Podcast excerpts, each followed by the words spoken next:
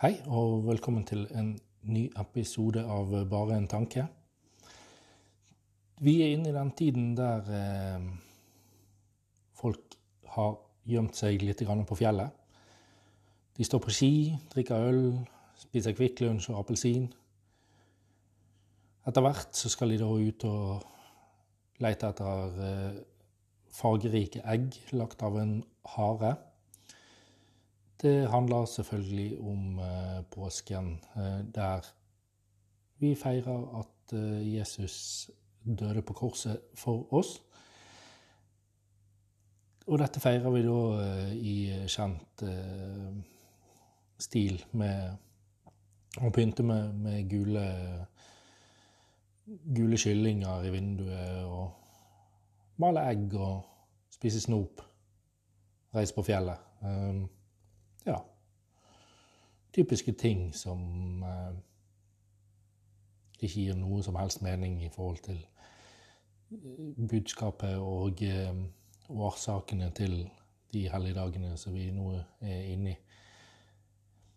Men eh, ja, solen skinner, og det er fint eh, her i Bergen, her i Os. Nydelige muligheter for å få seg noen fine fjellturer og slappe av litt og nyte finværet.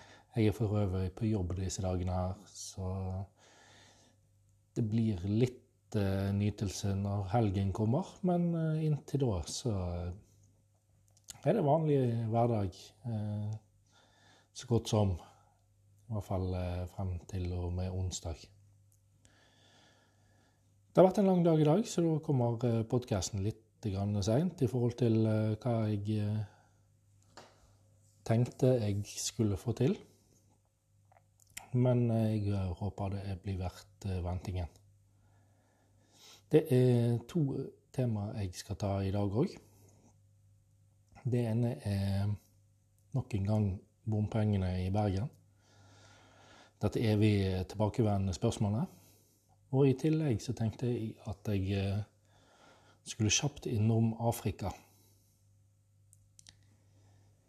Det er noen tanker jeg eh, gjør meg der. Når det gjelder disse bompengene, så eh, skjedde det jo selvfølgelig en liten uh, sak i går som gjør at jeg føler at uh, dette må jeg uh, så vidt stikke innom i dag òg. Det gjelder da Trym Alføy som er leder for Bompengepartiet her i Bergen. Han var da på TV 2-nyhetene hvor de da snakket litt med han om eh, oppslutningen. Og ja, 16,9 på siste målingen. Det er jo veldig bra resultat. 23 eh, blant menn. Eh, det er jo mer enn Arbeiderpartiet får i Bergen. De er altså det største partiet blant menn. Det er jo oppsiktsvekkende. Det er jo enkelte valgforskere som ikke helt uh, skjønner hva som skjer. Med tanke på en mer globalt perspektiv så kan vi se til Frankrike og si det at jo da, dette burde vi jo kunne forvente når vi ser den utviklingen som er på, på avgifter. Og som jeg sa i forrige pod, så handler det jo selvfølgelig om at vi kan ikke legge alle avgiftene over på én gruppe. Og samtidig forvente at de bare skal sitte der og godta dette. Ikke minst. Men i hvert fall, det som eh, var saken, er jo selvfølgelig det at eh, selv om bompengepartiet skårer høyt blant både bergensere generelt, og særlig menn, så er de ikke like populære blant kvinner. Og på spørsmålet om hvorfor de ikke er like populære blant kvinner, så klarte jo da eh, leder for Bompengepartiet, og lirer av seg frasen om at eh, kvinner hadde litt utfordringer med å forstå de økonomiske konsekvensene av bompenger. Altså, eh, her snakker vi 1950-tallet. Holdninger der vi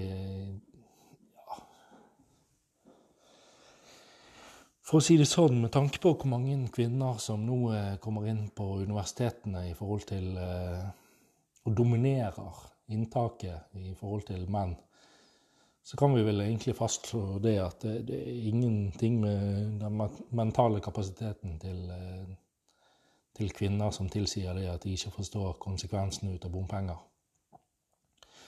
Det burde vel bare det at Bergen Frp har en, har en kvinnelig ordførerkandidat si alt om, egentlig. Det, det er jo eh, tross alt ikke sånn at eh, ikke kvinner blir skadelidende ut av bompengeringen og ikke forstår utviklingen i kostnadsbildet. Det, det er så absurd at jeg eh, vet egentlig ikke helt hvordan angriper du noe sånt som dette her. Jeg håper i hvert fall at så mange som mulig får det med seg, for det er jo eh, vi kan ikke stemme inn et parti i Bergen bystyre uansett hvor mye jeg er enig om at bompengeringen må vekk, og at de etablerte politikerne kanskje har gjort for mye kompromisser for eh,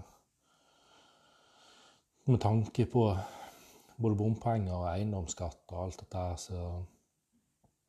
som spiser inn i privatøkonomien til eh, vanlige mennesker. Men eh, ja det finnes selvfølgelig et alternativ i Bergen, eh, og det er jo Bergen Frp. Der blir kvinner tatt på det dypeste alvor når det kommer til politiske spørsmål. Som bompengeringen, ytre bompengeringen, den ønsker de vekk.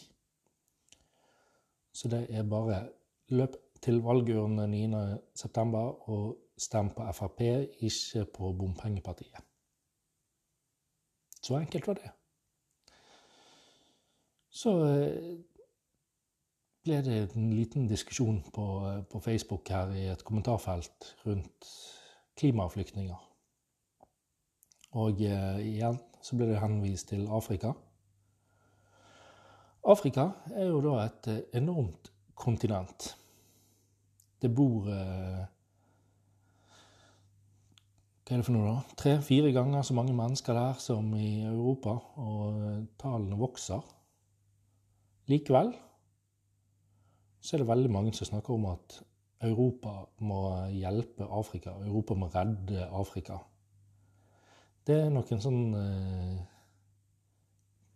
Ja, hva skal du eh, Et lite gufs fra imperialismen og, og koloniseringen av Afrika der vi i Europa stiller oss øverst på, på pallen og sier det at dette er den riktige og beste kulturen. Alternativt så er det en lidelse ut av arvesynden der vi tror at vi må gjøre opp for et eller annet. Eh, realitetene er selvfølgelig det at Afrika kunne matet resten av verden. Afrika er det kontinentet i verden med mest naturressurser. Det vil si det at i utgangspunktet så er Afrika det rikeste kontinentet i verden. Hadde de rett og slett bare fått orden på tingene sine der nede. Og en av de tingene som jeg mener er årsaken til at afrikanske politikere ikke klarer å komme frem til løsninger på sine utfordringer, det er at de har den hvileputen som heter bistand. Per i dag så gir Norge enorme summer med det er flere milliarder kroner som forsvinner ut av landet hvert eneste år i bistand. Og veldig mye bistand som ikke hjelper. Hvis vi absolutt skulle gitt bistand, så burde det vært i opplæring, i utdanning, i form ut av evner og muligheter til å klare seg sjøl. Og det burde, vært en kortsiktig, kortsiktig investering, tre til fem år, med et mål om at det landet som får midler til utdanning, må innen den perioden klare seg sjøl. Det vil presse de til å ikke kunne kjøpe dyre jetfly og dyre biler og drive med mye korrupsjon, som dessverre er en av de største utfordringene på det afrikanske kontinentet. Men utover det så er det ikke sånn at verken Europa eller USA eller noen andre trenger å ta imot mennesker fra Afrika. Sånn i utgangspunktet. I realiteten, selv med klimaendringene, så er det så mye ressurser og så mye muligheter på det afrikanske kontinentet. Det eneste som henger igjen, er denne her navlestrengen til Europa kalt bistand. Nå husker jeg ikke helt hvem det var, men jeg satt og hørte på BBC News en morgen, og der en av disse afrikanske lederne gikk ut og sa at brexit hadde på et område egentlig endret holdningen i Afrika til Europa. Der de mente det at det var så mange land der som, spesielt under kolonitiden, som fulgte britene blindt og trodde at dette her var det beste utgangspunktet de kunne få for å utvikle sine egne land. Når vi ser hva som skjer i England og UK med brexit, så er det jo mange som forstår det at eh, det er jo ikke nødvendigvis dette som er det beste. Men igjen, vi må eh, dytte fugleungen utenfor eh, redet. Eh, tro på Ikke nedvurdere evnene, mulighetene og viljen på det afrikanske kontinentet, men rett og slett kutte alt ut av bistand. Eventuelt ha noen små prosjekter som går på utdanning.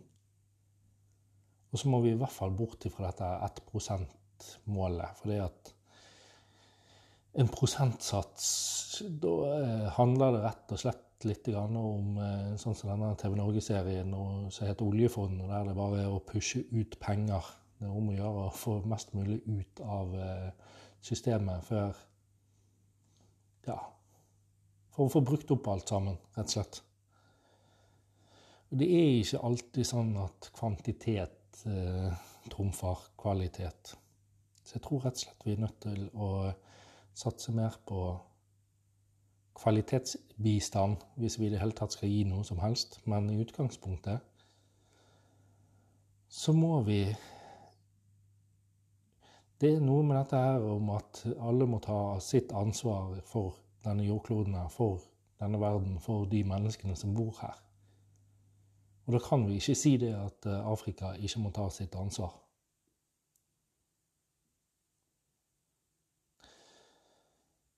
Det er kanskje en kontroversiell mening, men uh, jeg er veldig nysgjerrig på å høre hva du tenker om dette. Så send meg gjerne en melding uh, på Twitter eller på Torstein med th, alfakrøll, bareenmann.no. Takk for i dag. God påske. Jeg er tilbake igjen neste mandag.